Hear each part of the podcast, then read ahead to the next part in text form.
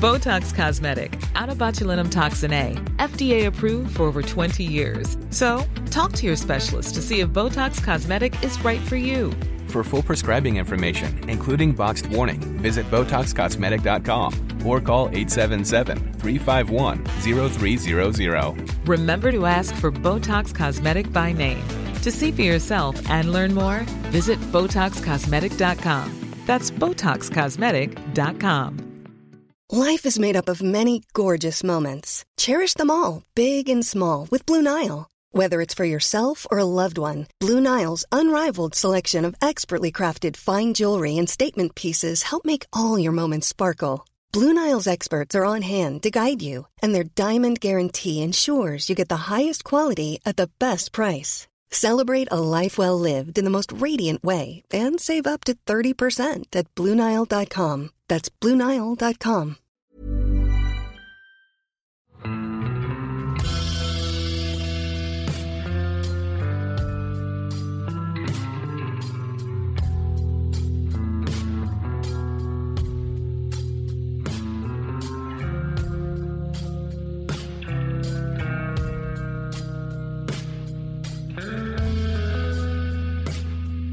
Hei og velkommen til podkasten Uteliv. Mitt navn er Randulf Valle, og når denne episoden legges ut, så er det Black Friday. Dagen da, så vidt jeg forstår, julehandelen skal kickstarte, butikkene skal tømme lagrene, og vi skal flokke oss til kjøpesenteret for å shoppe ting som vi i større eller mindre grad har behov for. Og det er jo ingen tvil om at det er fint, og det er moro å ha skikkelig utstyr når man skal på tur. Men eh, utstyrskjøp bør være et resultat av gode vurderinger av hva man trenger, ikke av impulsive shoppingraid. Og så er det også sånn at om man tar godt vare på turutstyret, så vil det vare lenger. Derfor så er dagens episode via til utstyr med fokus på vedlikehold, reparasjoner og modifisering. Og med meg i dag for å snakke om det her, så har jeg Morten Synstelien, også kjent under nikket Memento Mori på internett, deriblant Fjellforum. Velkommen tilbake, Morten. Ja, takk. Det var veldig hyggelig å bli bedt tilbake. Ja, det var jo eh, det var jo mange fine tilbakemeldinger på episoden vi lagde om lettvektsutstyr, og den var Uh, en av de, de virkelig mye lytta til. Uh, og det var naturlig for meg å ta kontakt med deg når det var snakk om det her med vedlikehold, modifisering og sånne ting. For at du skriver jo en god del om utstyr og har ofte litt sånn personlige vrier på ting. Men så forstår jeg du jobber også med vedlikehold? Ja, jeg har jo i utgangspunktet drevet med vedlikehold siden jeg var uh, liten gutt. Uh, min far uh, drev jo med, med vedlikehold, og jeg fikk i utgangspunktet full tilgang til hans verksted. Så jeg har jobba med det og driver med det privat. Så jeg er av de som liker å reparere og fikse ting.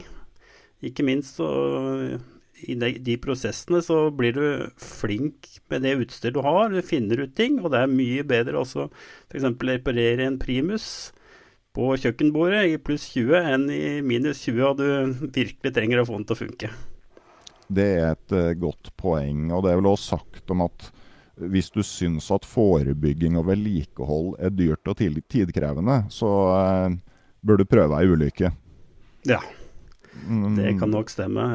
Jeg, I min første sommerjobb så hadde vi et sted hvor det var tre ting som gjaldt. Det var produksjon, produksjon og produksjon. Resultatet var at vi reparerte ca. halvparten av tida. Ja. Så å gjøre vedlikehold og se over ting, det kan være veldig småting som i utgangspunktet gjør veldig stor forskjell. Og, og, hensikten med godt vedlikehold er jo dels at du skal forlenge levetida til uh, utstyret i dette tilfellet her. Uh, og så er det òg det der med å være i stand til å forutse når noe begynner å nærme seg slutten på levetida si. Ja, det er jo litt viktig å prøve å finne ut hva er det som faktisk skjer, og når tror du det kommer til å skje. Spesielt da på, hvis du skal på en lengre tur. Så kan det være lurt å kanskje sjekke ut noe på forhånd og se ja, oppblåsbare madrasser. La dem være oppblåst et par dager. Se, her holder de faktisk på lufta, eller mm. gjør de det ikke. Kanskje du bør uh, vurdere å ha en ny en og heller ha den i backup. Ja. Og så er det jo, For å lene oss mot industrien her òg, så, så, er det jo der eh, så deler man jo ofte utstyret i, grovt i to kategorier. Altså, Det er jo en del ting som man rett og slett bruker til det slutter å virke. Fordi at det ikke har noe sånn mer vidtrekkende konsekvenser når det stopper. Altså sånn, Det stopper, så er det relativt enkelt å bytte. Og så er det det som du da eh, er nøye med å bytte før det, det bryter sammen. Og det er jo liksom kanskje en sånn tankegang å ta med inn i friluftslivet òg. Altså at uh, hva er det som er kritisk om du bryter sammen, og, og, hva kan du bruke til det ikke virker lenger? Ja, det er veldig, veldig viktig. Det, det, hvis du tenker uh, f.eks. på et fly, da, så gjør det ikke noe om én motor eh, stopper hvis du har fire. Men det er litt kjedelig hvis du mister en vinge. så mm. det er veldig viktig at uh, du tenker på hva er det som er viktig, og hva er det som faktisk kan bli kritisk. Mm. Uh, altså Jeg har jo inntrykk av at du syns jo sånn puss og vedlikehold og sånn flikking og sånne ting er ganske artig? Ja, eh, jeg syns jo det er veldig moro. En del av hobbyen er jo også å kjøpe primuser som ikke virker, og få dem til å funke igjen. Ja, ok. Ja, for, for, jeg må, må, innrømme at jeg er ikke helt der. Jeg syns kanskje ikke egentlig at vedlikehold er så fryktelig moro. Uh, men jeg støtter meg litt på uh, det man kaller 80-20-regelen. Eh, at du med stort sett med alt med 20% innsats, så får du 80% effekt. Og for å hente ut liksom de 20 siste prosentene med effekt, så må du legge ned 80% av innsatsen. Så liksom for min del, når det gjelder vedlikehold og bruk av turutstyr, så prøver jeg liksom sånn Hva er de der viktige tingene som ikke tar så veldig lang tid, men som har desidert mest å si for levetida til utstyret. Det er liksom min innfallsvinkel, så vi er kanskje litt forskjellige der. Ja, jeg er nok litt sånn på den 80-20-regelen, jeg òg. Jeg har jo alltid lært det at det, i utgangspunktet når du gjør oppgaver, så skal du ikke være så nøye at det går utover tida totalt sett.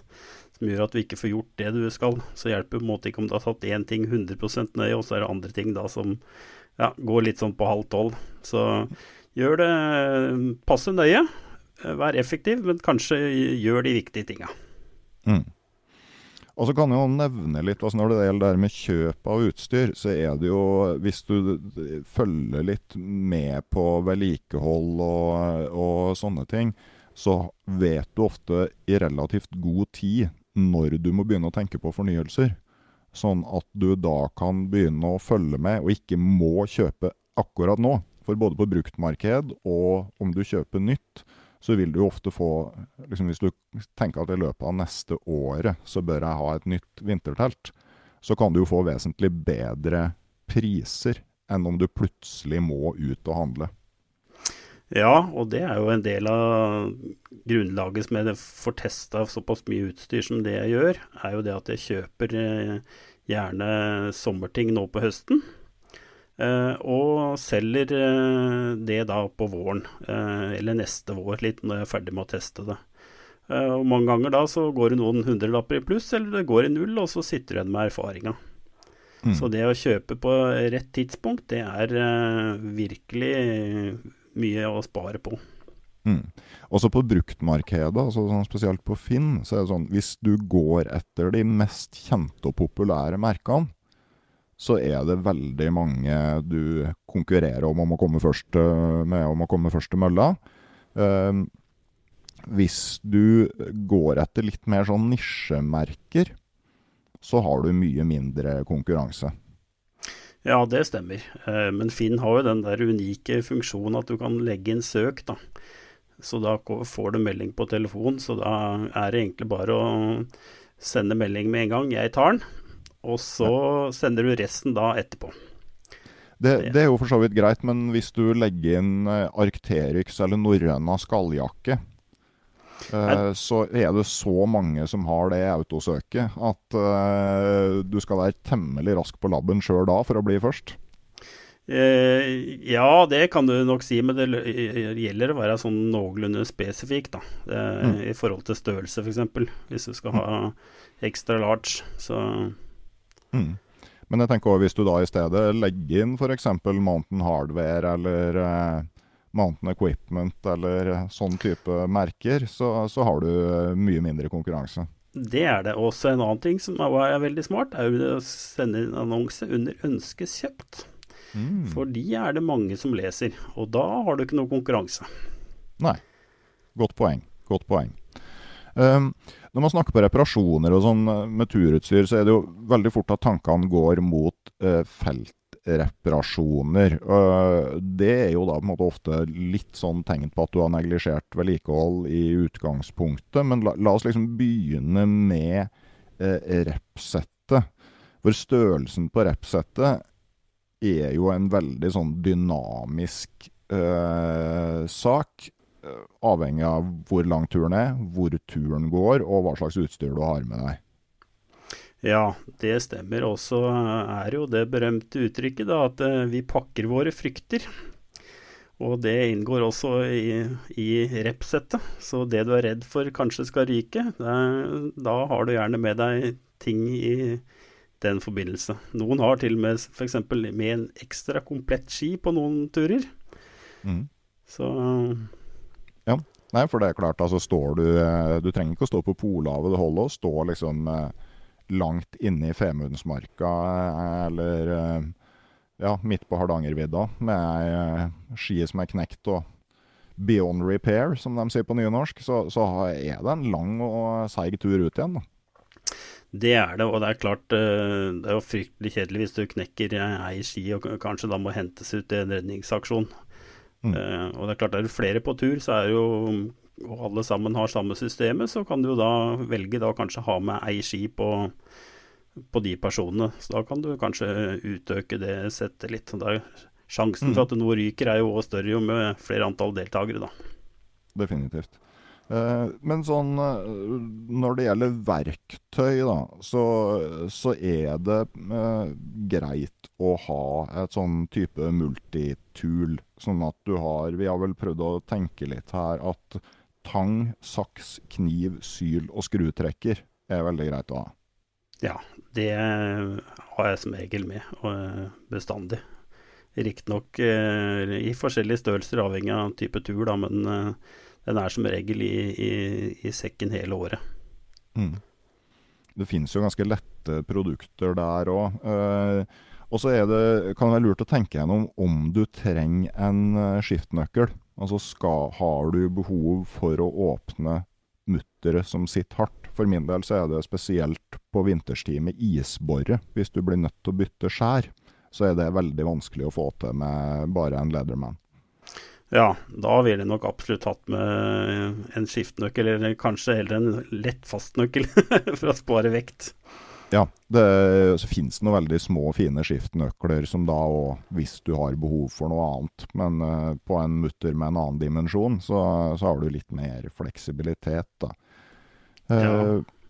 Men så er jo um, altså andre ting som skal settes fast, så er jo teip uh, absolutt noe man bør ha med. Altså på, på sånn korte sånn én overnatting i marka sommerturer, så er vel repsettet mitt det består av en rull med sportsteip. Punktum. Ja, da er vi nok ganske like der.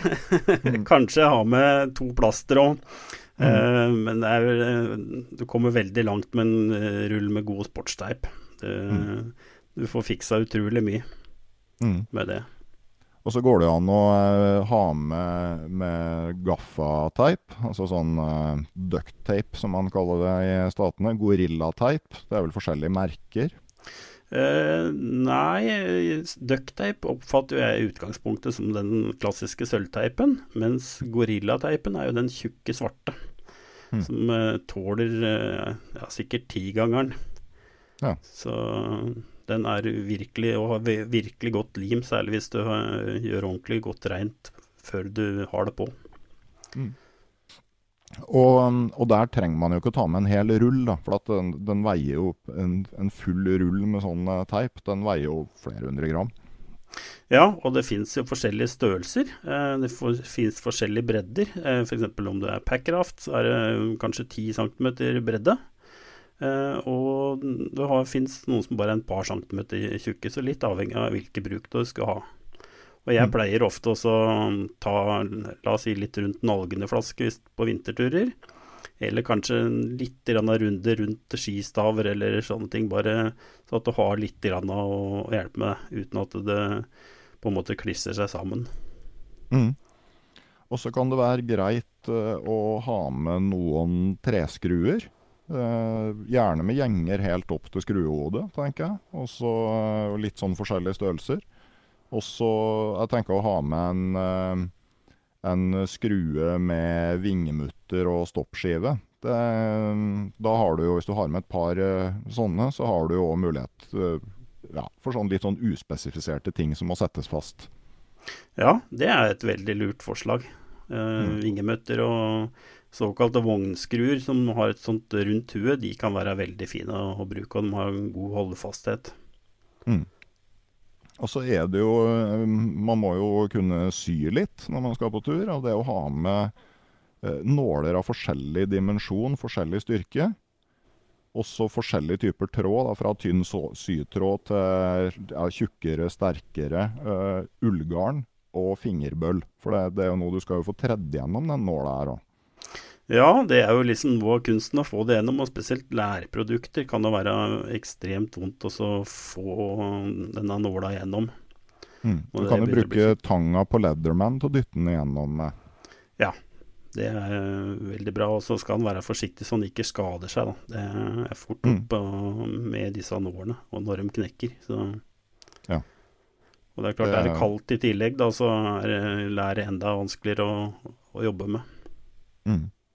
Så eh, med ullgarn så er jo altså ullvotter f.eks. når du går på ski, har jo eh, en lei tendens til å bli slitt høl i. Og det å rett og slett lære seg å stoppe. Jeg skal legge ut instruksjoner på Patrion-sida.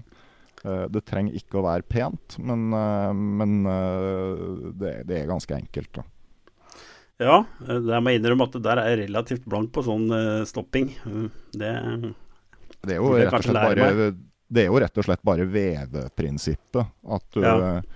at over hølet i votten så, så syr du liksom parallelle, lange sting i den ene retningen, og så går du på fra andre sida og så vever opp og ned mellom denne renningen som du da har lagt, da, og fester på andre sida av hølet.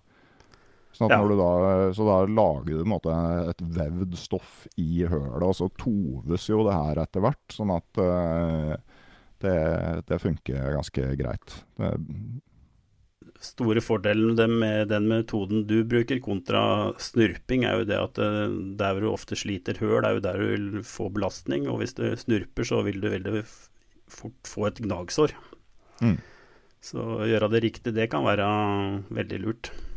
ja, det er jo fin ting å pusle med i teltet om kvelden. Og, og så er det jo lappesaker for underlag, hvis du har oppblåsbart underlag.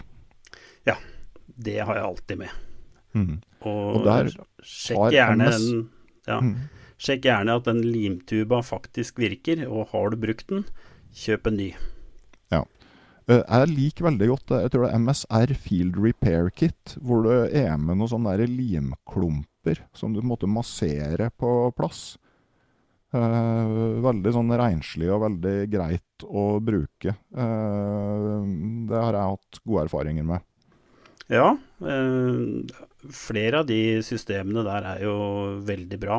Eh, ikke minst det også i hvert fall ha det med, og vite hvordan du skal bruke det. Og gjerne hvis du har litt av rødsprit eller noe annet, så du kan få gjort det området reint, sånn at det, det limet du skal bruke, faktisk får feste. Og hvis det er litt av fett eller et eller annet sånt noe, du kan òg bruke litt av teipbit, og så holde over, og så dra vekk, så får vekk eh, smuss og løse ting. Så det er, eh, det er veldig smart også å sørge for at det produktet han har på faktisk får feste, for det hjelper ikke om det er verdens beste lim om det ikke er noe feste i. Nei, det er et godt poeng. Uh, når det gjelder teltet, så er det jo um, Så har du sysettet og uh, skjøteledd for uh, teltstanga. og sånn spjelke Altså reserveledd for teltstanga og sånn skjøterør. Og så i tillegg eh, har jeg skrevet opp spinnakerteip. Ja. øh, jeg pleier som regel å ta det derre skjøterøret over øh, repstanga, og så tar jeg en teipbit på hver side. Så da mister jeg ikke de, det skjøterøret, pluss at da har jeg teipen. Mm. Eh, og så er det jo en del telt da, som er eh, mye silikon eh, på enten ene eller begge sider, som det er helt umulig å kunne teipe. Ja. Og da er det jo å sy som gjelder. Mm. Mens andre telt, f.eks. i Cuben Fiber, de de er jo teipa fra fabrikk.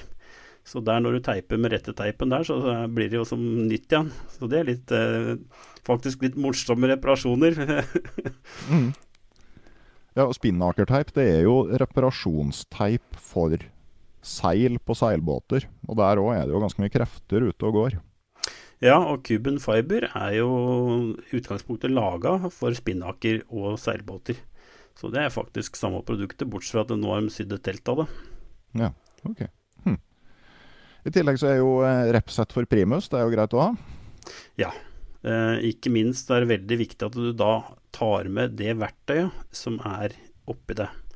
Og det verktøyet som du bruker når du da eh, skal eh, se over primusen hjemme, så har du kanskje både gode skiftenøkler og du har gode skrutrekkere og alt sånt nå. Men da er det jo veldig viktig at du faktisk bruker det verktøyet som du har i settet, sånn at når du da står midt ute på vidda, at du da ikke har dratt dette for hardt til. Ja, det er jo faktisk et veldig godt uh, poeng. Mm. Uh, og det pleier å holde. Så Mm. Og så tenker jeg på um, altså å ha med lim. Uh, et på en måte hardt lim, typisk lynlim. Og så kan det være greit å ha et mer sånn elastisk lim, sånn aquasjur f.eks. Eh, til ting som er mer tøyelig. ja. eh, veldig mange bruker jo det, å ha med ei lita tube av det. Det er klart det fikser veldig mye. Og klart hardt lim er jo eh, og veldig fint, og særlig ja, aralditt f.eks. er jo utrolig hva du kan greie å få, få til med det. Mm. Og så I tillegg, for å få ting til å henge sammen, så er jo sånn strips og ståltråd veldig greit å ha. Det er eh, Hvis du får bora høl og får brukt noen runder med ståltråd, så er det utrolig styrke. Og utrolig hva du kan greie å få reparert med, med ståltråd. Så det er vel litt sånn i det der gamle uttrykket at da har du ståltråd og potet, så har du både mat og redskap. Så du Med det kommer du langt. Ja, det, det, den har jeg ikke hørt før. Um, Jeg har bare hørt at for en ishavsmaskinist så er svenneprøva å lage et lommeur av en isbjørnskit. det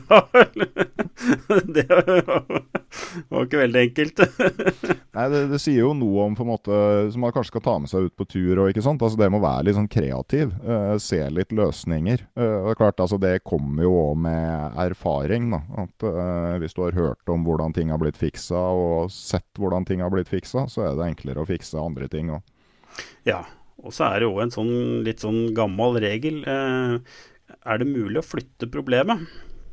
Eh, Dvs. Si at du tar noe av utstyret ditt, og så bruker det til å reparere det som har gått sund, og så er det dit du har forflytta problemet til et annet sted. Og det kan kanskje være da ve veldig enkelt å løse. Og det kan være f.eks. at du tar reimen fra et annet sted på sekken og reparerer f.eks. draget ditt. Ja. Og så får du, kan du da bruke stripsen da på sekken. Mm. Ja, det, det er et veldig godt uh, tips å flytte problemet. Ja, hvis du har muligheten til det. Og da må du tenke litt kreativt. Kan jeg flytte det? Mm. Ja, det er klart sånn med klips og sånn som ryker òg, ikke sant. Altså øh, klips på vital del kan øh, byttes med klips et sted hvor det ikke har så mye å si. Ja. Mm.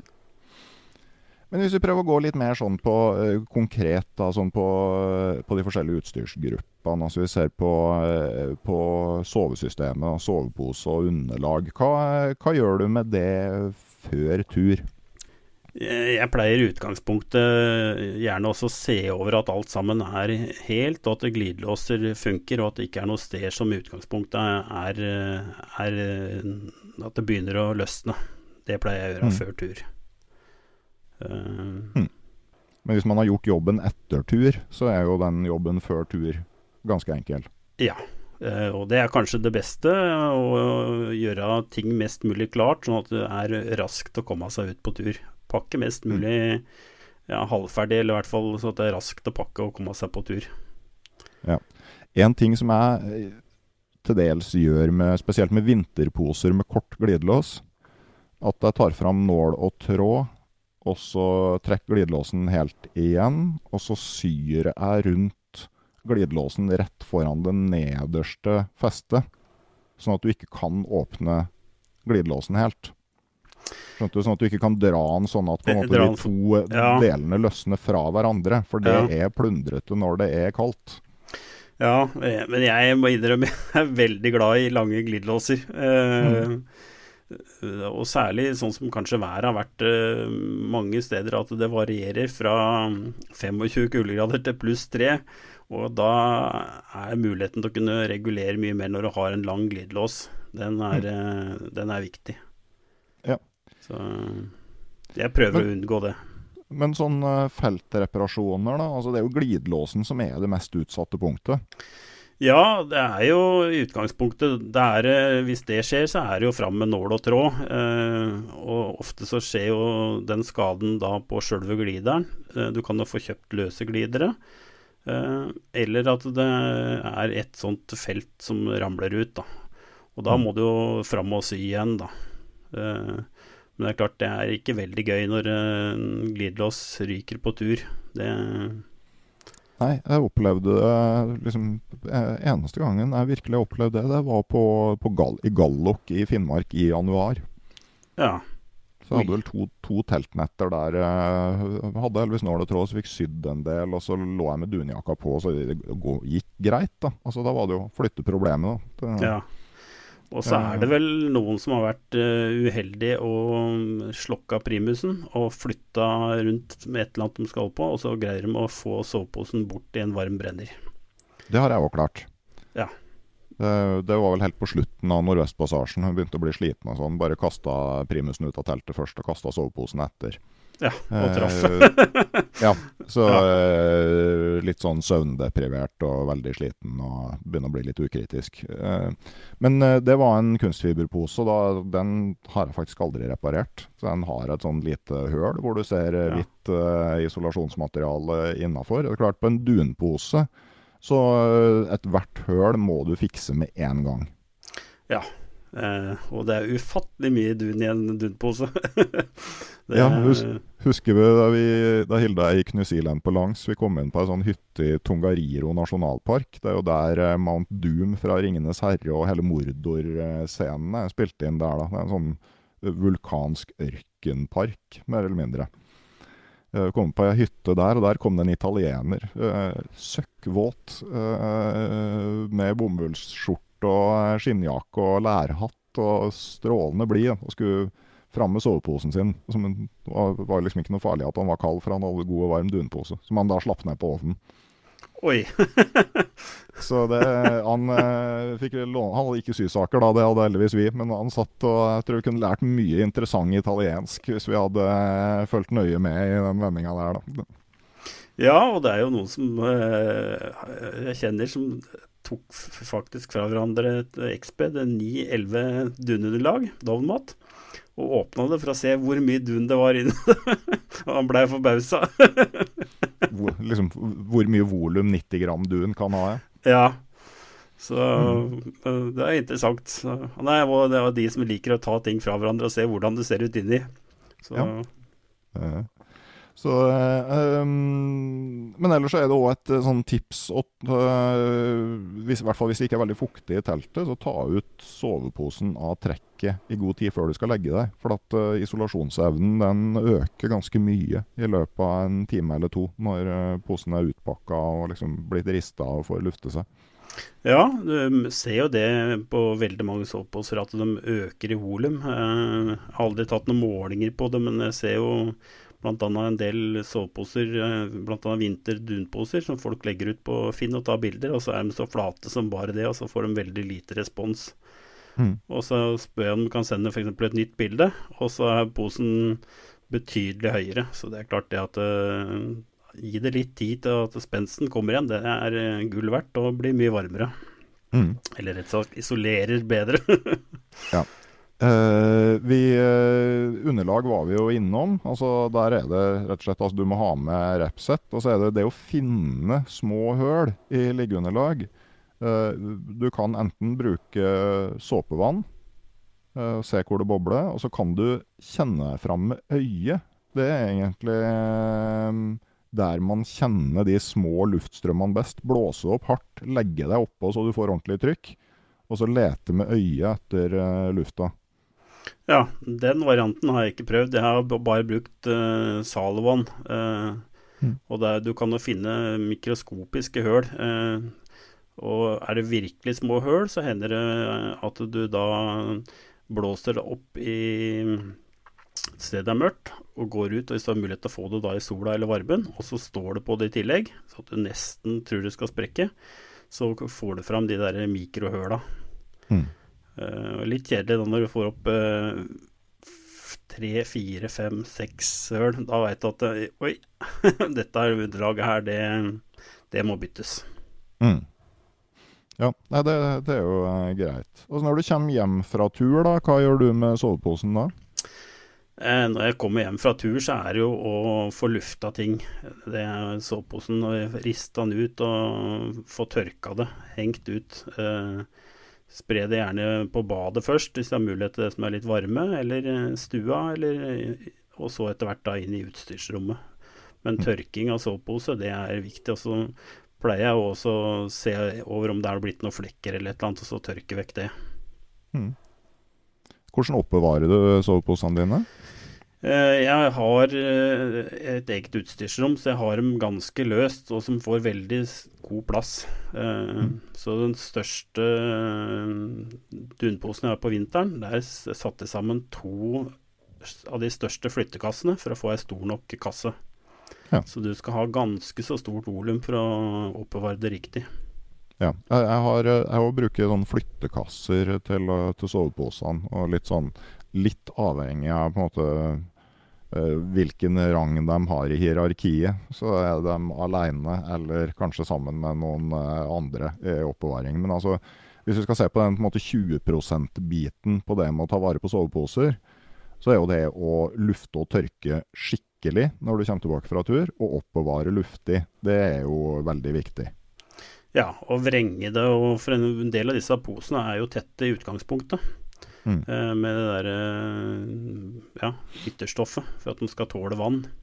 Så det er jo veldig viktig å få vrengt det. Det samme er jo egentlig når du skal lufte det på tur. Prøv når du har mulighet til det. Luft posen. Ja. Spesielt på lange turer. Mm. Og når du pakker det bort, altså, vi ser vi begge to vi putter da eh, oppbevaringstrekket ned i soveposen før du pakker den bort. Ja, det mm. kan være veldig greit også, sånn at du finner igjen det oppbevaringstrekket. Mm. Og så kan det jo være greit eh, hvis du har kjøpt deg en dyr dunvinterpose. Så kan det faktisk være greit å ha en rimelig kunstfiberpose til sånn rusketurer med, hvor du sover ute, fyrer bål øh, og har en større risiko ja, for å få glør og sånn på, øh, på posen. At du er litt bevisst på hvordan du bruker det. Ja, eh, for det er klart eh, en dyr vinterdunspose koster jo nesten eh, ene håndleddet, i hvert fall. Mm. Noen sier ene armen, fullt så ille er det ikke, men Så jeg har, må innrømme jeg har en egen gammel militær tredelt sovepose som jeg bruker til sånne reine bålturer. Hvor jeg da skal ligge omtrent oppi bålet. Og den er ja. Den er jo, tåler jo en del glør. Mm. Ja, altså det, det er uh, noe å tenke på, altså. Det, uh, for en sånn virkelig god vinterdunpose er jo noe de fleste av oss òg kan ha resten av livet. For det, det, er tross alt ikke så kolossalt mange vinterovernattingsdøgn de fleste har i uh, telt og sovepose per år. Ja. Et annet tips er jo å bruke den der trekanta teltduken til Forsvaret. Mm. Som i utgangspunktet da er eh, behandla og tjukk, og så legge over soveposen for å beskytte den. Mm. Hvis du skal ligge Den veier jo ikke så mange gram. Nei, det, det, er et poeng. Og så er det det med, med vask. For, for, noen år siden så var jeg med på en sånn studie hvor vi brukte soveposer i ja, til sammen over 100 døgn, og hadde dem inne for måling av hvordan de temperaturgrensene etter EN-standarden endra seg over tid. Uh, og det var tydelig at uh, mellom 50 og 100 bruksdøgn et sted, så begynte det å uh, bli dårligere isolasjonsevne. I større grad for kunstfiberposer enn for dunposer. Men alle fikk, til en viss grad i hvert fall, tilbake en del av isolasjonsevnen hvis de ble vaska. Så det å holde litt sånn trekk på hvor mye du har brukt posen, og når du begynner å passere noen 50-60 døgn, så kan det nok være på tide å få den vaska. Og da kanskje rett og slett levere den på et vaskeri. Ja, det er klart det kommer an på hvor mye dun det er inn. da. Eh, men klart det er en liten pose, så kan du greie vasken vaske sjøl og sørge for at du har en god tørketrommel og nok tedispaller. Mm. Så jeg har jo en av de salga som jeg har angra på. Jeg hadde en liten, lett uh, dunpose som jeg syns uh, ikke isolerte bra nok. Så den fant ut, den selger jeg. Så tok jeg og vaska den før salg, og da jeg fikk den igjen da, så var jo den da ja, det føltes som han var blitt dobbelt så tjukk i volum.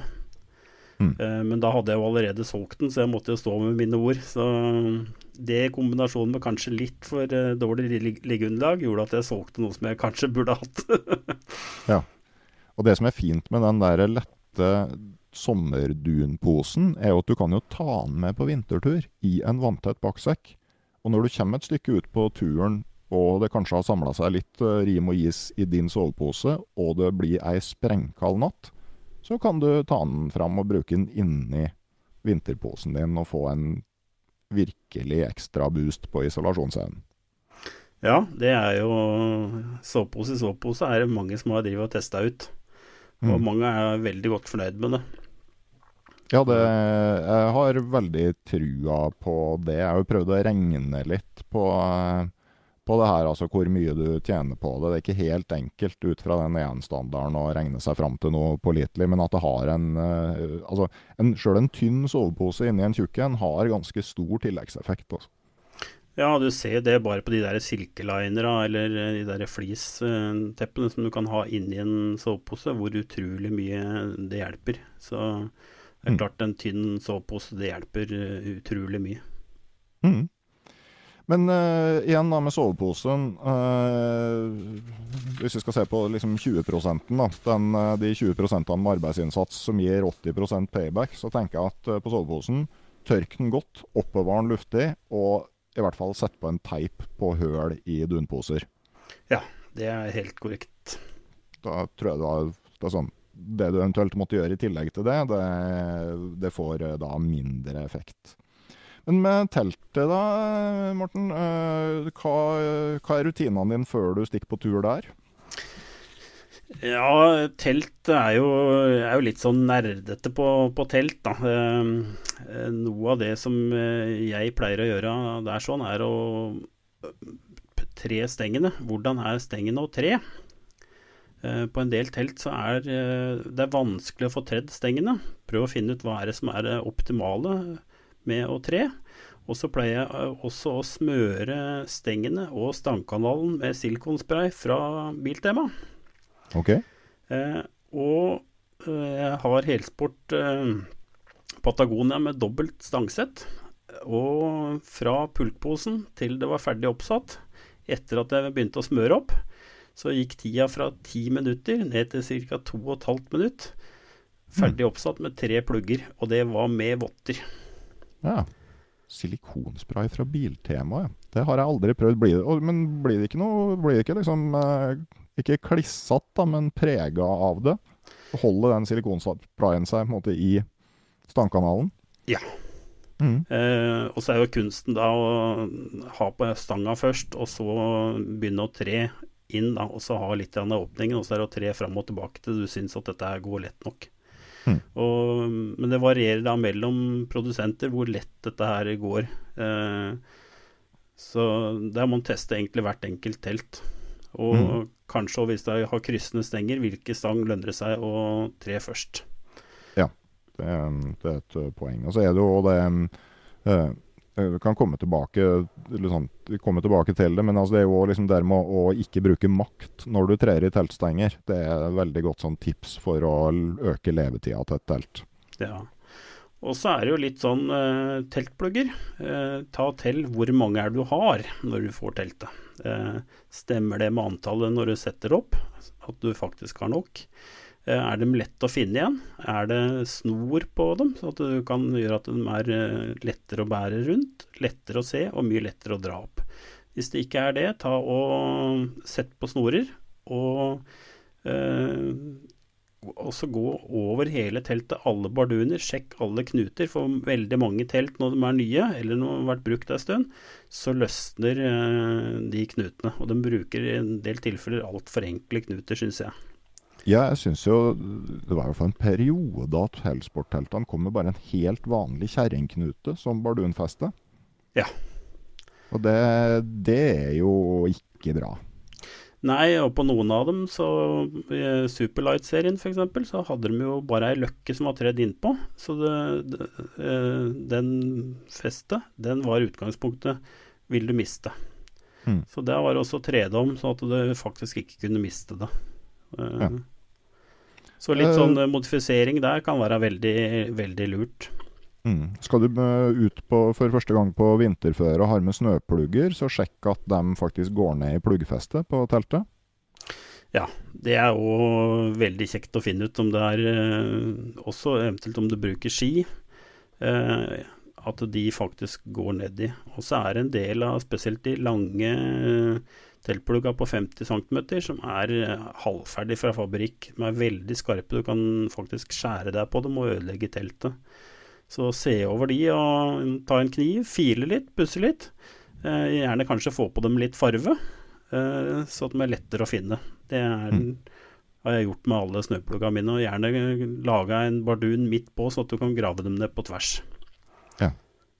Det er jo et greit uh, poeng. Nei, liksom oransje spraylakk øverst på eh, teltpluggene, det er jo greit å ha.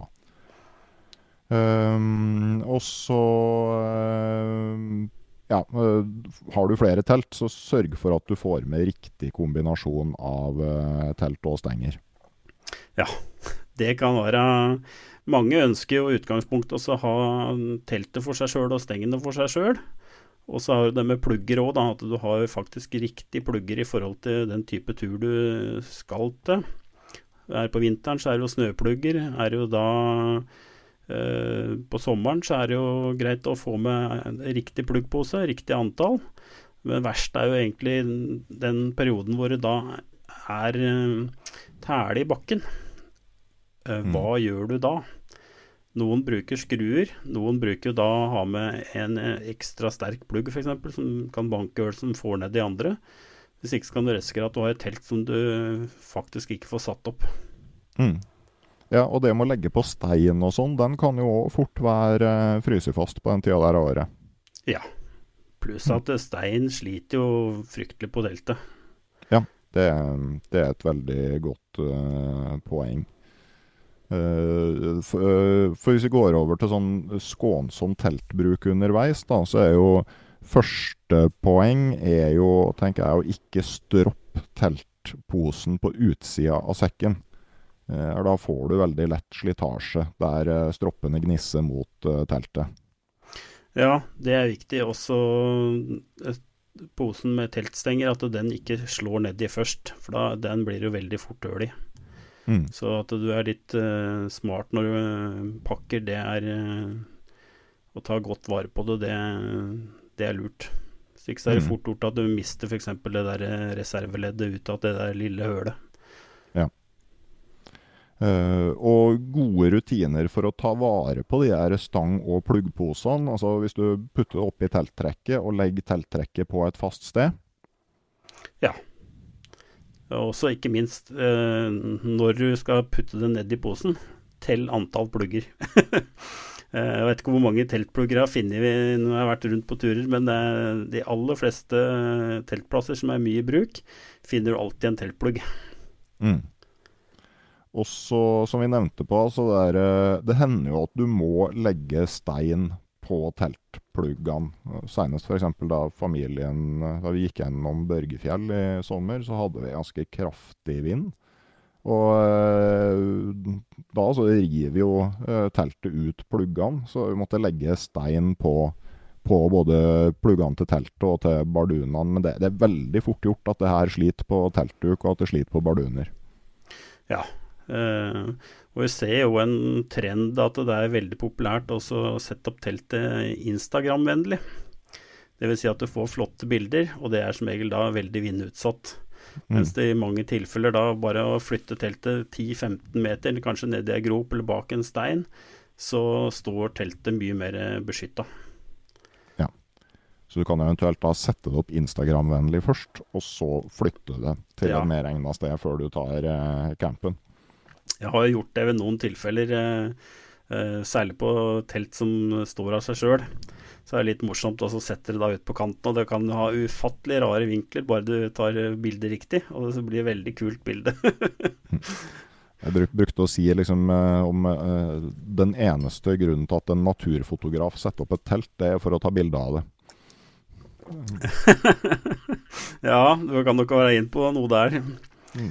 Da skal man ikke skjære alle over én kam, da, men i hvert fall for noen. Det, og så eh, er det jo det der med å være forsiktig når du trer stengene i stangkanalene. Der er det spesielt på lettvektstelt fort gjort å tre dem tvert igjennom. Ja, eh, og hvis du er to stykker, så er det å prøve å innarbeide rutiner at du har én i hver ende. Sånn at eh, når den ene står og dytter av den andre står av og faktisk holder at den er på plass når du mm. tar den siste dytten.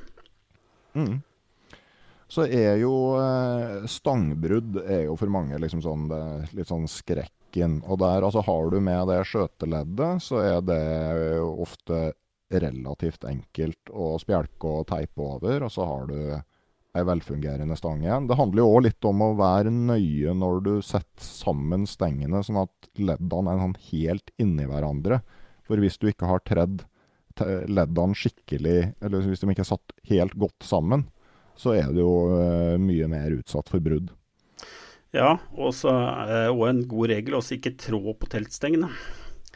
Legg dem samla, så når du da setter det på at du da ikke går ett skritt bakover, og så trår du på, på teltstengene.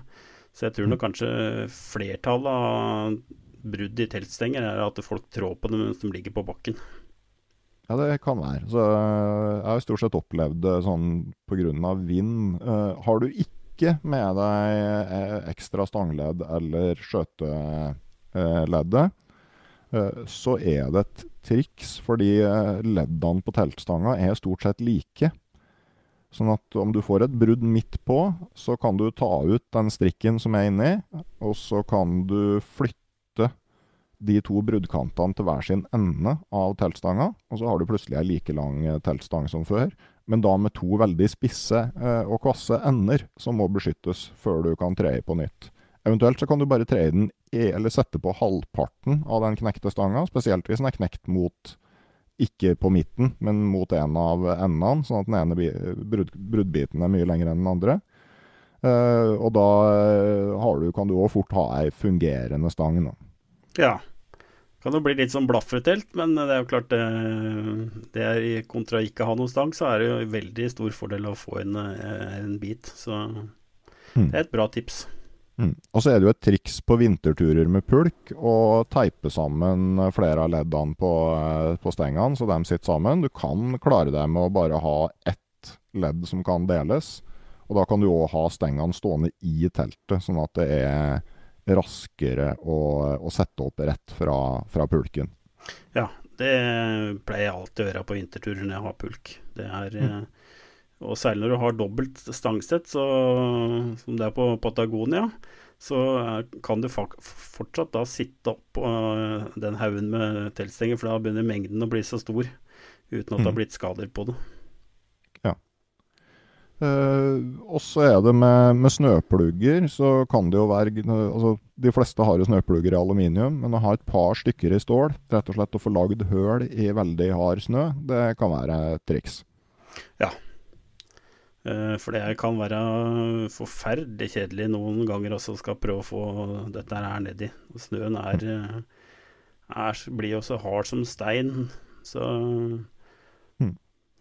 Og sånn sett òg, altså, spesielt sånn når du nærmer deg slutten av sesongen, hvis du setter opp teltet og pakker kram, våt snø på stormmatter og rundt teltet, og så du, skal du ta øh, ned teltet tidlig neste morgen, da det, må du være ganske forsiktig når du skal få teltet løs. Det er veldig lø lett å få rifter, og du må gå på med spaden for å få bort den der isharde snøen som nå ligger tett rundt øh, teltet. Ja, det er jo Snø er jo et fantastisk medium. Eh, jeg har jo også drivet bygd en del igloer. Eh, og alle har jo gått i disse trikkeskinnene til Skiforeningen. Og dem får jo til trikkeskinner uansett eh, hvordan snøen er. Og det viser seg jo det at selv i, med puddersnø i minus 12 grader, så kan du bygge en iglo. Det er bare det at du må legge det i forma, og så må du bare holde litt press på det, og da fester det seg sammen. Så selv puddersnø, hvis du har problemer med å få mm, plugga til å uh, feste seg, ta altså istedenfor å hoppe som mange gjør, bare stå rolig oppå med et par minutter, så fester snøen seg. Så sitter det som juling. Hmm. Sintring heter den prosessen der. Uh, men uh, men når du kommer hjem fra tur, da, eh, hvordan tar du vare på teltet etter tur? Eh, da er det jo eh, Jeg pleier som regel å demontere innerteltet og ytterteltet. Mest spesielt hvis det er fra vinterturer, for det er gjerne såpass mye is på det. Og så er det å få lagt det sånn at du får tømt ut vannet. Og så er det å henge det opp. Og så er det å begynne å få lufta det da på forskjellige steder. Er det selvstående telt, så er det jo fint å slå opp i stua. Da blir som regel damene veldig glad. Får et telt i ene hjørnet. Ellers så har jeg òg eh, satt opp kroker i taket på et soverom som vi ikke bruker så veldig mye. Så derfor har jeg hengt teltet i taket da opp ned. Og så latt det henge der noen dager, så at jeg er helt sikker på at det virkelig er tørt. Ja. Jeg tar nok som hovedregel aldri fra hverandre inner- og yttertelt på telt hvor de henger sammen. Uh, men jeg, jeg, prøver å riste av det mest mulig av snø og is og sånn når jeg kommer hjem. Og så har jeg noen kroker under verandaen ute, sånn at de får ofte henge ute ei stund først. Uh, spesielt hvis det er plussgrader. da. Og så henger de lenge inne, og, og liksom at jeg flytter på opphengspunktene passe på at liksom, lufta kommer inn rundt omkring overalt. Kan godt henge ei uke altså, før jeg pakker det bort. Ja, det er godt å høre. Um, og det er jo òg en litt sånn sammenheng mellom uh, teltvedlikeholdet og såkalte sure telt. Uh, I og med at jeg driver og kjøper en del telt brukte, så viser det seg bl.a. Helsport Nordmarka, som er den billigste teltet til helsport, solgt via XXL. Eh, fire tilfeller når jeg har prøvd å kjøpe det, så har det blitt pakka ned rått. Når de da åpner for å sjekke om lukt, så har det gått i søppelkassa. Mm. Eh, mens derimot dyretelt eh, virker som folk er flinkere da til å lufte og ta vare på. Det er jo faktisk litt det der med å altså, Det er jo ikke sånn at dyrere utstyr alltid er bedre, men det å kjøpe noe som er ordentlig med en gang, og noe som du måtte ha et forhold til og føle et ansvar for å ta litt mer vare på, det, det er jo et, eh, et, greit prinsipp, altså. Ja, og det som er tragisk med det hele, at eh, det Helsport Nordmarka 2-teltet er jo veier 2,3 kilo, og er kanskje det beste teltet du kan få kjøpt på tilbud eh, ned i en tusenlapp. Uh, og tåler egentlig utrolig mye. Det er lavt under taket, men det er veldig gode materialer og egentlig et ufattelig godt kjøp. Mm. Så det er ikke noe grunn til at det skulle i utgangspunktet bli mindre vedlikeholdt enn det andre dyre telt er. Men jeg tror at det er kanskje mangel på kompetanse eller interesse, eller at de faktisk ikke veit bedre. Og veldig mange er jo opptatt av på telt at en skal ha best mulig materialer. Det skal være mest mulig millimeter vannsøyle. Vi er jo veldig glad i tall, og større tall er jo alltid bedre. Det de ikke tenker på da, at jo større vannsøyle er, jo vanskeligere er det å tørke. Og, og vannsøyle i seg sjøl altså jeg, jeg tenker ikke på det som noe sånn entydig eh, mål for hvor bra et telt er. Altså, for det, det, er jo gjerne ikke midt gjennom stoffet at vannlekkasjen kommer. Altså, den kommer jo mer sånn pga. konstruksjonsdetaljer som gjør at du får vannansamlinger rundt sømmer og sånn, f.eks. Ja. Eh, men veldig mange er veldig opptatt av disse tallene, og gjerne om skal sammenligne. Skal jeg ha det teltet, eller skal jeg ha det teltet? Å, den har så og så mange millimeter flere. Da velger jeg det. ja, det, det, tenker jeg er, er litt sånn som det megapixel-hysteriet på, eh, på kameraer òg, ikke sant. At uh, det, det, er jo enkelt å forholde seg til et tall, men det er ikke nødvendigvis at det gir noe god verdi. Um, sånn, har du noen gang vaska noe telt? Eh, ja. Mm. Eh, har vaska noen telt eh, forsiktig håndvask. Det har gått fint. Eh, mm. Jeg har også et eh, gammelt helsporttelt som jeg vaska i maskin. Eh, det tålte det ikke. Nei. Det revna. Så det å vaske telt i maskin, det, selv på det snilleste programmet, det lønner seg ikke. Så det, skal du vaske telt, så jeg slå det gjerne opp, og så bruk en klut og vask flekka. Mm. Ja, det, det, høres ut som en bra plan. Ellers er det jo greit da etter tur sjekke for rifter, sjekke barduner, bardunknuter. Og kveile opp bardunene ordentlig da, før eh, neste tur, og så pakke det ned på en ordentlig måte. Gjerne da med en endebardun ut av øh, pakkposen, sånn at uh, det er enkelt å sette opp neste gang. Ja, øh, og jeg, på vinterteltet så har jeg også en karabin i enden, så at når jeg da skal slå det opp, så er det fest en karabin i pulken. Mm. så at jeg er sikker på at det ikke flyr av gårde. For det, det er utrolig vindfang. Det uheldig. Ja, mm. veldig uheldig. Kan bli langt å gå. Hvis du ja, finner igjen. Ja, jeg vet ikke om jeg har fortalt det her før, men da vi var på Aconcagua, så var det noen på, på en av de campene som lå liksom så rundt 5000 meter over havet, som uh, mista teltet idet de satte opp. Det forsvant jo ned igjen til basecamp. Oi. Mm. Så det kan jo være litt uh, nedtur. Uh, når det gjelder pluggene, så kan man jo skylle av dem. Vaske dem i såpevann om man ønsker det. Uh, jeg har sett noen som renser dem i matolje.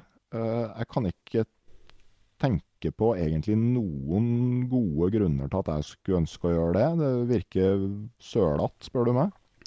Nei, eh, Der bruker jeg nok 80-20-regelen, og så ser jeg hvem er det som er møkkete og hvem er det som er reine. Og så de som er for møkkete, de enten så lar jeg dem bare tørke, og så bare bruker jeg bare en oppvaskbørste, og så tørker jeg. Eller så legger jeg dem bare oppi ei bøtte og så er det bare å ta et par drag, sånn at jeg ikke får dratt med meg jord inn i, i posesystemet. Og så vrenge den posen som jeg har eh, plugga i.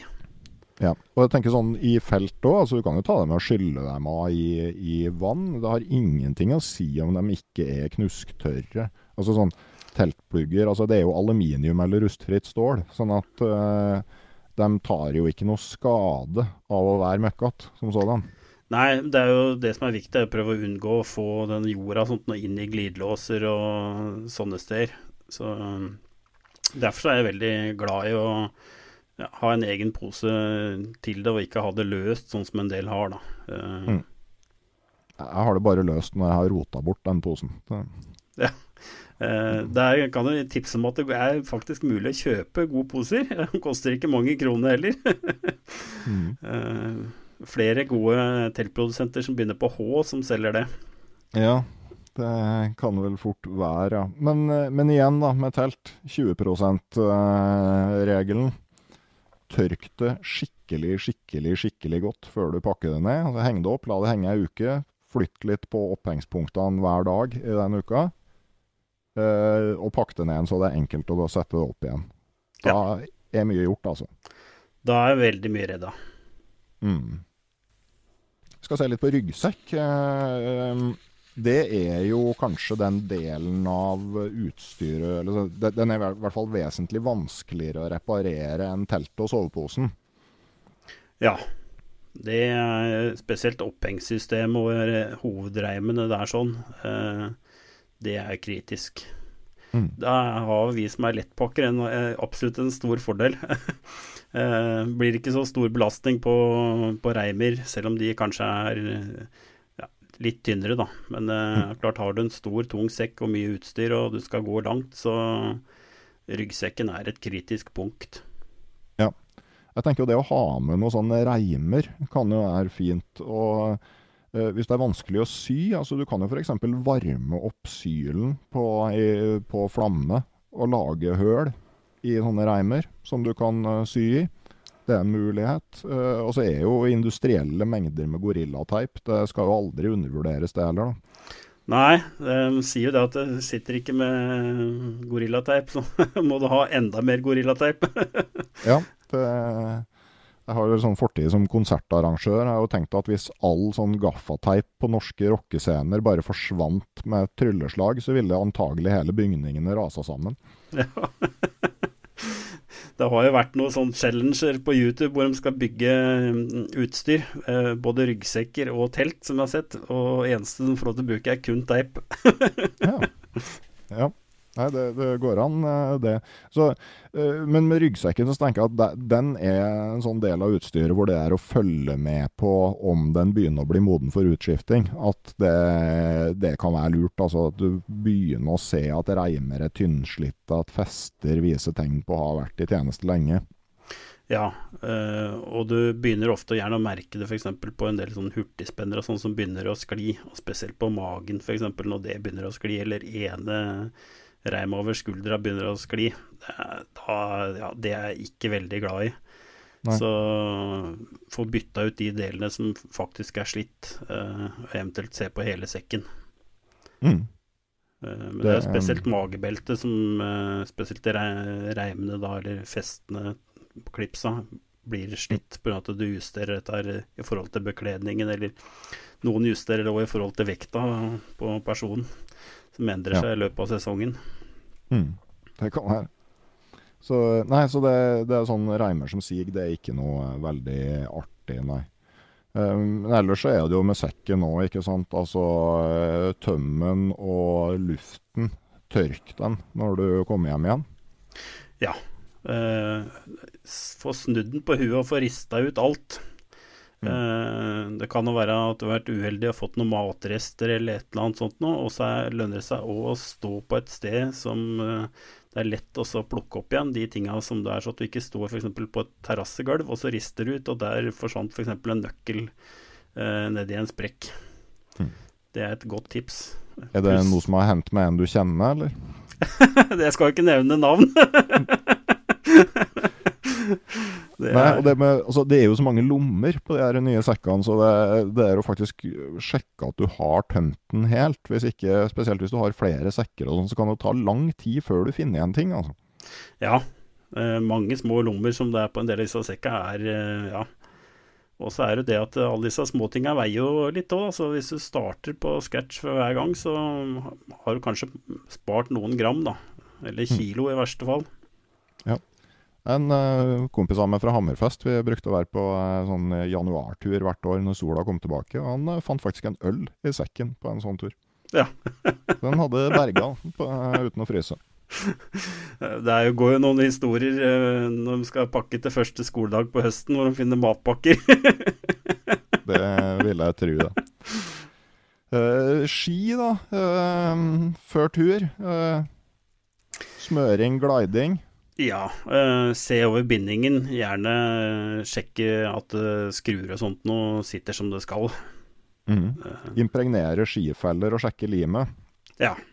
Mm, og skal du starte med feller, så sett på fellene når både ski og feller er varme. ja, det er et godt tips. Det, Mm. det er viktig at det er bra vedlikeholdt og ja, at det Mm. er riktig lengde på det. Så du du ikke står eh, faktisk må gå på ski, sånn at du faktisk kan uh, få litt energi, spesielt på kortfeller. Eh, og så er det jo greit å sjekke stavene, spesielt slitte pigger. For det kommer jo sånn gradvis utover våren, blir verre og verre. Og så plutselig skal du stake over Femunden eller noe sånt uten pigger uh, på første turen på isføre. Eh, helt tilfeldig valgt eksempel, så klart. Ja. Det, og det kan bli litt slitsomt. ja. Og det er jo diamantfil fra Biltema. Mm. Koster ikke mange kronene. Er eh, det absolutt beste på en del av disse pigga. Eh, Så er det jo stort sett ganske enkelt å bytte òg. Ja, men uh, ha, kjøper du ei fil, da, så kan du Hvis du bruker f.eks. til rulleskipigger òg, så holder den fila ufattelig mange par. Så sånn ja, miljømessig, så det er vedlikehold der sånn, det er absolutt gull verdt. Ja. Jeg har jo opplevd å slite de piggene helt ned. Og så er det jo det at det er jo ikke alltid at det er slitasje, men at rett og slett piggen løsner fra den holderen. da. Ja. Mm. Men eh, ja, eh, underveis, altså så eh, Pass på bindingene, spesielt sånn NNN-bindinger. De fyller seg gjerne med snø og is underveis. Ikke bruk makt. Ta det inn i teltet. Tine opp og la det tørke. Ja, og gjerne da ikke hvis du er ferdig med pausa, ikke tømme ut kaffen. Eh, men du kan bruke da den siste varme kaffeskvetten til å tine. Eh, det er mye brukt f.eks. på turskøyter. Mm. som du kanskje får litt, overvann og en del sånt, og så kan du helle det på bindingen. Så kan kafferesten gjøre nytta si. Ja. Nei, Jeg har opplevd å komme tilbake fra vintertur, spesielt tidlig på vinteren med mye overvann og sånn, og ikke få av skiene når en kommer til bilen. Ja. Det, må bare ta av skoene. Ja. Det, um, så um, så det, det kan òg skje. Og så er jo det med skiknekk, eller at bindingen løsner, er jo sånn typisk av de litt sånn større tingene som kan skje.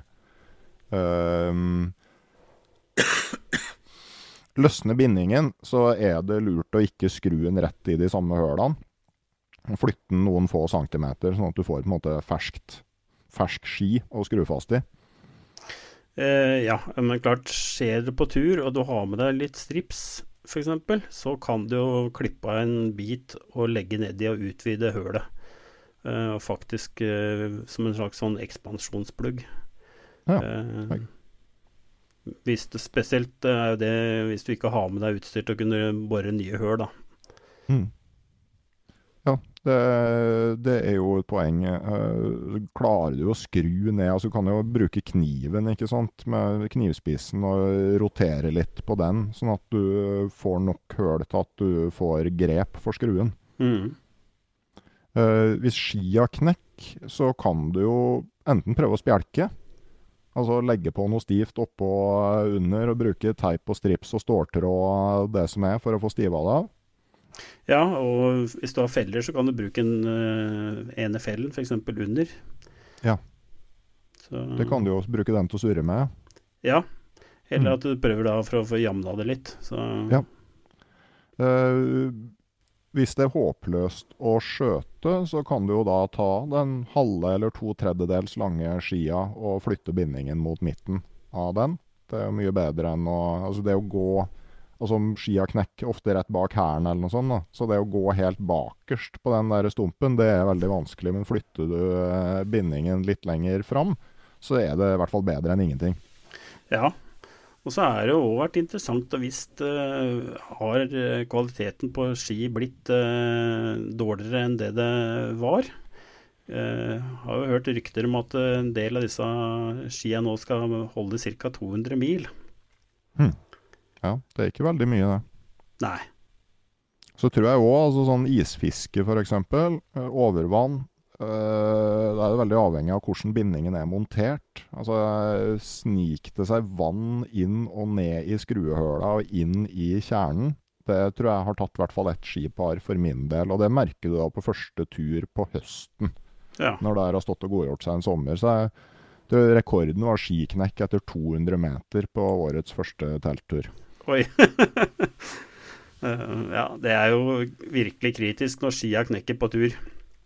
Ja, det, Eh. det ble en veldig rolig tur, det der. Mye soving. Ja, Og jeg kan jo oppleve det at kanskje noen sånne turer blir veldig korte. Mm. Sånn med skifellene, hvis de ikke vil sitte, så er jo fellelim er jo det beste. Men så kan du jo da bruke sportsteip eller gorillateip. Liksom surre rundt skia med la oss si 50 cm mellomrom bakover. ja. Det, det bruker ofte å holde. Er det, er det ekstremt kaldt og veldig problematisk, så kan du skru fast fellene. ja, jeg har hørt at det er folk som har gjort det. Så Ja, da, da Bengt og jeg gikk eh, Nordøstpassasjen, så så skrudde vi fast fellene. Ja. Eh, Det var jo veldig sånn fine ispigger i tillegg, de skruehodene som eh, stakk opp. Men det, det blir jo ikke den store glien av det. det det blir å gå på ski, bokstavelig talt. ja, det, det, blir, det blir jo eh, det, da.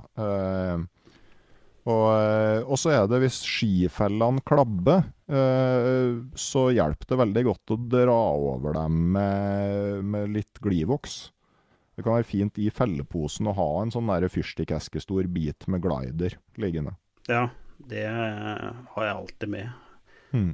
Jeg opplevde på én tur å få de der eh, virkelig megaklabba, hvor det gikk da fra minus 25 til pluss 3. Hmm. Og til slutt så Jeg måtte faktisk gi opp og så gå i skiløypa, så jeg måtte prøve å få baksa meg ned til en vei. Så at jeg kom opp i høyden. For det var ikke mulig. Jeg prøvde alt mulig rart med smøre, og alt ble bare tull. Så Ja. Ja, der òg er det noe å stoppe tidlig nok og få glida de fellene, tror jeg. For jeg tror det er noe når det setter seg is i dem. Da har du litt tapt til du får tina dem. Ja, Det kan godt tenkes at det var det som skjedde. Også humøret det, det dropper betydelig når du får eh, Når du får eh, 20 cm med, med kladder. Mm. Etter tur så er det jo lurt å rense skiene, glide dem. I hvert fall etter sesongen, da. Eh, hvis vi skal gå på den 20 igjen, da, så trenger man jo ikke å liksom eh, eh, skaffe seg egen smørebu og eh, drive med det her hele tida. Men noen ganger i løpet av vinteren å glide opp og smelte inn litt eh, festevoks i festesonen, og så ha på dem glider før du setter dem bort om sommeren. Det er gode tips. Mm. Og liksom tørke skifellene godt. Jeg tror det er liksom 20% på ski. Ja. Eh, klær og sko er jo et sånn ganske sånn stort tema. Eh, men eh, der er jo altså feltreparasjoner. Vi har vært innom stopping. ja. Men altså sånn teip hjelper deg i veldig stor grad med skallbekledning. Ja, det hjelper utrolig. Og der har jeg jo ett uh, tips. da. Du, du kan eventuelt da gå for den berømte hobo-style. Dvs. Si at du da bruker teip som syns godt, så at det ser ut som det har vært mye på tur. Men i mange tilfeller, så hvis du vrenger plagget og teiper fra innersida, så vil uh, både varmen fra kroppen pluss at teipen sitter mye bedre. Og så ser du ikke så rufsete ut. Så det kan være et smart triks. Mm. Nei, og det kan, jo, det kan jo være utrolig solid. Altså, det var eh, Hilde, som jeg er gift med, som eh, fikk ny skallbukse. Det første som skjedde, var jo at bikkja reiste seg opp og lagde rift inn. Eh, og eh, det ble teipa med gaffateip. Og den, den buksa ble pensjonert 15 år seinere, og da satt fortsatt teipen der. Ja. Og så er det jo litt sånn i felt, da, hvis det er kaldt. Varm opp eh, det du skal lime, og varm opp den teipen gjerne over primusen, så du får det til å sitte ordentlig godt fast. Mm. Og så er det jo på klær òg, ikke sant. Det med å ha, med, ha muligheten til å sy. Eventuelt lime kan òg være eh, på, på type sånn Gore-Tex-klær og sånn. Så eh, eventuelt en kombinasjon. Altså typisk er jo at de der eh, strammingene rundt ermene f.eks. løsner. Ja. Eh, der har vi òg sendt av gårde noen Gore-Tex-plagg og fått eh, reparert det på Gore-Tex-service på Aukra. Eh, med veldig bra resultat. En del sånn er jo reklamasjoner òg, men sånn, hvis det skjer i felt, så må man jo finne en måte å, Ja. å, å å fikse det på. Da. Så, så en, å ha en binders eller to i um, repsettet kan være greit. Hvis eh, den derre eh, håndtaket på glidelåsen ryker, Ja. så kan du tre i en binders, sånn at du fortsatt kan betjene glidelåsen. Ja, enten en binders eller en liten nøkkelring. Mm. Eh, Ja, begge deler. Eventuelt hvis du er på fisketur, da, så har du kanskje splittringer på slukene som er store nok. Ja. Jeg pleier vanligvis ikke å fiske til så stor fisk, da. Hvis du fisker gjedde, så kan det hende at du har det. Men sånn med, med vedlikehold, så er jo Altså, ullklær, der er det jo greit å være klar over at de trenger ikke nødvendigvis å vaskes hver gang du har vært på tur. De kan luftes og bli eh, duft, dufte fioler igjen før du veit eh, ordet av det. Ja, eh, jeg holder på med et prosjekt nå med en T-skjorte fra en eh, norsk produsent som eh, reklamerer med at du kan eh, eh, bruke det inntil 200 døgn før det må vaskes. Så jeg har eh, ei T-skjorte nå som jeg har testa veldig mye på tur. Eh, Vaska den har blitt for mye sånne saltflekker eh, for å kunne bruke den ut blant folk, da. Mm. Men eh, det er helt utrolig hvor lite den lukter når du bare henger den ut noen dager. Og med ull, altså når du først vasker det, så bruk vaskemiddel for ull, og eh, følg anvisningene. For du ødelegger ullplagg veldig fort hvis du bruker vanlig vaskemiddel på det. Ja. Mm. Og med tynn ull, vær forsiktig når du tar det av og på. Det er veldig lett å sette, spesielt når det er vått, det er veldig lett å sette fingrene tvert gjennom vått ullundertøy. Ja, det er kjedelig. Um, hvor ofte vasker du og impregnerer du skallbekledningen? Jeg må si det at uh, en del av det vasker jeg nok, uh, sånn som buksa og sånt nå, den vasker jeg kanskje én til to ganger i løpet av sesongen. Eh, Og jakka vasker jeg nok eh, noe oftere, for det er lett for å bli kanskje litt mer bollrøyk i den. Men ja, jeg vasker ikke så veldig mye. Jeg har ganske mange turdøgn eh, for hver gang den blir vaska. Mm. Så det med impregnering det har ganske mye å si for eh, evnen til fuktighetstransport. Da, for eh, altså pusteevnen. Spesielt i, i regnvær så eh, blir pusteevnen veldig dårlig for eh, dårlig impregnerte plagg. Eh, Så det å få opp litt impregnering på ting, det løser utrolig mye. Det, det mm. så jeg bruker en del impregnering, pluss at uh, impregneringa gjør at det ikke blir så fort møkkete. Møkka fester seg liksom ikke. Nei, det, er jo, eh, det er jo positivt. Eh, på sko òg så er jo det der med altså, fjellstøvler og sånn, altså vask og tørk.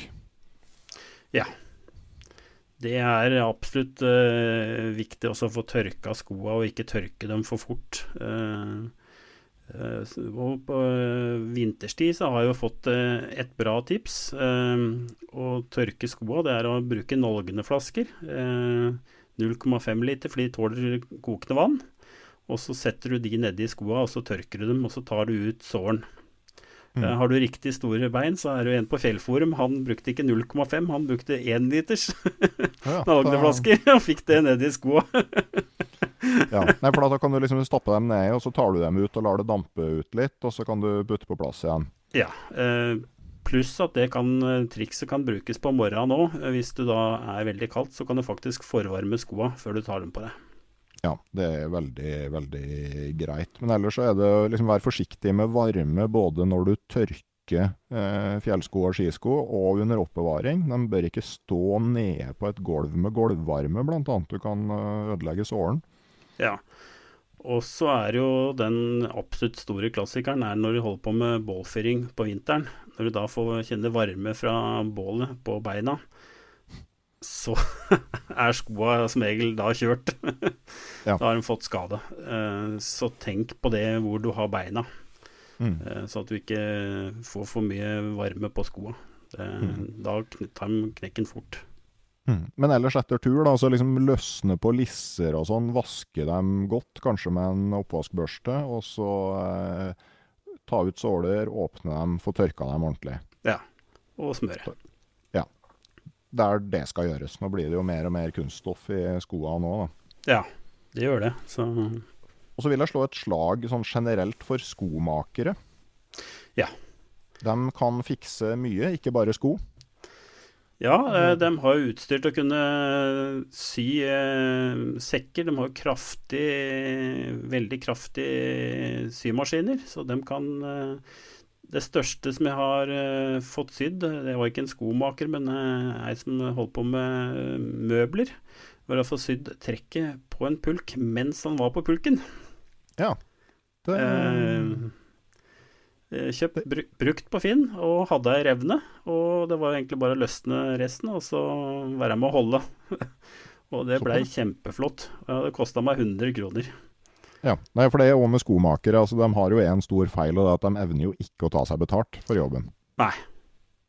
Det, det, jeg tenker de, de burde egentlig slå på 50% på prislista si, bare så vi er sikre på at de fortsatt, fortsatt er der. Ja.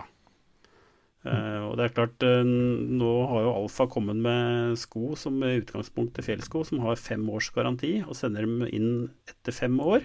Så får du ytterligere tre års garanti, dvs. Si åtte års garanti, og alle deler i skoen kan byttes ut. Mm. Nei, og det, det er jo andre òg, ikke sant. Altså sånn uh, Kan jo nevne Jørn Jensen lærhandel, som selger Jørnkangan i Norge. Det og har jo skomakerfasiliteter og ja, kan bytte såle, f.eks. Ja. Jeg har Um, flere det- sko som jeg har eh, reparert. Eh, Noe av problemet med noen av de beste er at de har veldig lang eh, tid på å få, få trykka det gjennom systemet, så ta det gjerne utenom sesongen. Ja, og det er jo på en måte òg en sånn Hvis du har noe du skal reparere, så gjør det på slutten av sesongen, ikke før den starter. Ja. Lett å si, litt vanskeligere å gjennomføre. Ja. Og så vil jeg nok òg slå et slag for eh, Barents Outdoor, eh, med Bente, som er gamle eh, serviceavdelingen til Helsport, som er fantastisk flink til å reparere telt og bygge om. Ja, og det er da ut igjen, kalles vel eh, den delen der av Barents nå, som er på en måte reparasjonsverksted. Ja. Mm. Eh, vanvittig flink. Eh, brukt den til mye modifiseringer av både telt og, og reparasjoner. Ja, nei, det, og det er jo bra da, å ha eh, at det er noen som har et verksted fortsatt. Men på skoene så tenker jeg at 20% der, det er jo eh, eh, Ja, vask og tørk skoene, men ikke steik dem. Det er Og så eh, bruk impregnering, smøring, som passer til skoene dine etterpå. Ja. Mm. Eh, da tror jeg vi har vært igjennom ganske mye her, eh, Morten. Eh, jeg tenkte også jeg skulle slå et lite sånn slag for eh, det å kjøpe ting som er ordentlig når du først skal i gang. Eh, da vi fikk eh, hunder, skulle vi ha en sånn bøtte som de kunne ha vannet sitt i ute. Vi kjøpte noen sånne bøtter, så den ble enten spist, eller så sprakk de når det frøys i det, eller eh, og, Så vi dro på Felleskjøpet og lurte på om de hadde ei liksom, ordentlig bøtte. Og de måtte liksom, jeg var nesten litt sånn flaue når de sa at de hadde ei bøtte i rustfritt stål, men den kosta 900 kroner. Ja. Eh, men så tenkte jeg nei, vi kjøpte den. Og den, eh, nå er begge hundene våre eh, borte. Eh, men eh, bøttene ser nesten uskadde ut uh, fortsatt. Så liksom, vi hadde brukt mye mer enn 900 kroner på å fortsette å kjøpe dårlige bøtter som blei ødelagt flere ganger i året. Ja, det å øh, kjøpe god kvalitet, det kan være lønnsomt. Og det er ikke alltid at det dyreste er det beste, men det billigste er nesten alltid det dårligste. Ja, Det stemmer nok. Mm. Men uh, til slutt da, Morten. Altså, har du noe sånn der uh, juvel i utstyrsgarderoben som har vært med deg lenge og fortsatt uh, duger? Uh, ja, jeg har en gammel tredelt militær sovepose som jeg bruker når jeg ligger rett ved bålet. Som Ja, den er vel 25 år, vil jeg tippe. Og den tror jeg ga 300 kroner for den gangen. Det var jo da gjenkjøp fra Forsvaret. Eh, eh, og den tåler jo glør. Han er, I og med at den er tredelt, så er den jo lett å lufte. Eh, og hvis du da ønsker å vaske og være litt hygienisk, så kan du vaske da innerdelen. Så det er nok den soveposen jeg har flest antall døgn i, og det er den soveposen jeg hater mest. Jeg bruker eh, ca. fem minutter på å få igjen glidelåsen, for han er litt for liten. eh, men eh, han er med fortsatt og er i bruk stort sett hvert år. Ja. jeg har en sånn Bergans alpinist 120 liters ryggsekk som jeg brukte på deler av New Zealand på langs i 2006-2007, og som har vært med på, med på tur siden da. Den er fortsatt i bruk sånn når hele familien skal på telttur. Mm. Ene stroppen som fester lokket har ryket, det burde jeg få fiksa. Og har nok ganske stor generell slitasje, men den òg funker fortsatt. Det samme gjør den um, Helsport kunstfiberposen som jeg brukte gjennom Nordvestpassasjen i 2003. Det er måte min sånn ekvivalent til den militærposen din, da, som brukes på sånne rusketurer. Ja. Eh, og så har jeg noen kjeler, eh, bl.a. det første lettvektsutstyret som jeg kjøpte i 2008. Eh, så bruker jeg samme kaffekjelen og samme titankjelen fortsatt. Ja. Nei, men det og, og det med titankjeler, de er jo vesentlig dyrere enn aluminiumskjeler. Men eh, der aluminiumskjelene veldig fort blir bulkete, så, så klarer titankjelene seg over tid på en helt annen måte. Ja, det er utrolig gode produkter. Det er, det er, det er veldig Det er jo noen av de tingene som du kjøper som, som den bøtta du sier, som du syns i utgangspunktet kanskje var litt dyrt, men som du ser i ettertid var en veldig klok beslutning. Mm. Jeg tror vi skal la det være siste ord i dag. Kjøp ordentlige bøtter. Hvis du ikke har noe mer å tilføye, Morten? Nei, jeg har ikke det. Ja. Så vi kan vel konkludere med det viktigste som du kan gjøre, er tørk teltet. ja. Telt og sovepose er det meste. Ja. Altså hvis du tør tørker og lufter det før du legger det på plass, ja. så har du kommet veldig, veldig langt. Ja. Eh, nei, men da var vi eh, kommet til en ende for den gangen her. Tusen takk for at du var med igjen, eh, Morten. Ja, takk. Mm. Eh, jeg skal nevne at det her faktisk er den nest siste episoden av podkasten Uteliv før jul. Eh, jeg sa i utgangspunktet at hvis det blei 400 medlemmer i det digitale turlaget på Patrion, så blei det noen juleepisoder annenhver uke. Det skal nok holde litt hardt om vi kommer helt til 400 før jeg tror det var 15.12. jeg satt som frist, men jeg har bestemt meg for å lage i hvert fall tre juleepisoder eksklusivt for Patrions uansett. Og I tillegg så har jeg rydda litt på det der turutstyrrommet, som også jeg har, og funnet ting som jeg ikke bruker så veldig mye. Annet et Hellsport enmannstelt og en sånn isfiskegapahuk, som jeg tenkte jeg skulle gi bort. I utgangspunktet så har jeg sagt at jeg skulle gjøre det når vi kommer til 400, men jeg tror heller jeg sier at jeg trekker det her, pluss en del andre godsaker, blant de som er med på Patrion den 15. desember. Så hvis du har sittet på gjerdet og lurt på, så er det tida å bestemme seg nå. Og det er også sånn at fram til 15. desember, hvis du velger å bli ny langturkompis eller ekspedisjonsmaker, så får du med en liten og lett foldekniv som en velkomstgave. Det er kun fram til da at det er mulig. Etter det så forsvinner den muligheten. Tusen takk til alle som er med og støtte podkasten liv på Patrion. Tusen takk til alle som handler i nettbutikken. Det er fortsatt mulighet å sikre seg julegaver der uten at det blir stress. Men uansett hva du gjør, så kommer den siste episoden i høstsesongen av podkasten Uteliv om ei uke. Ha det bra.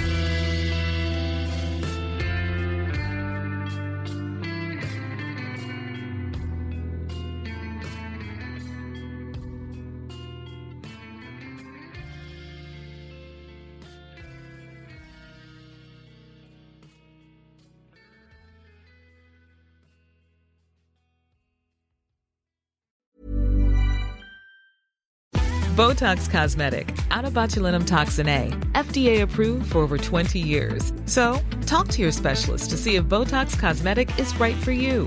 For full prescribing information, including boxed warning, visit BotoxCosmetic.com or call 877-351-0300. Remember to ask for Botox Cosmetic by name. To see for yourself and learn more, visit BotoxCosmetic.com. That's BotoxCosmetic.com.